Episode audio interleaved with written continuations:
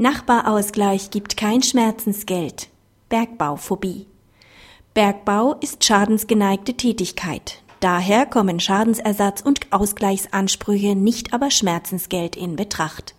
Durch einen Bergbaubetrieb kommt es 2005 und 2006 zu erheblichen Erderschütterungen.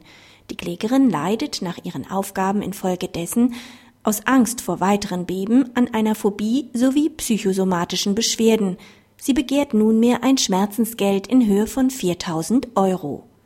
Der BGH weist die Klage ab. Ein solcher Anspruch ist nicht gegeben.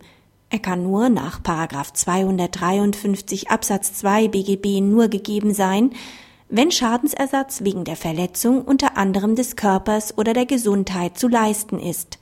An dieser Grundvoraussetzung mangelt es. Paragraph 114 Bundesberggesetz stellt zwar eine Norm des Schadensersatzrechts dar, er erfasst aber gesundheitliche Beeinträchtigungen nicht als Bergschaden.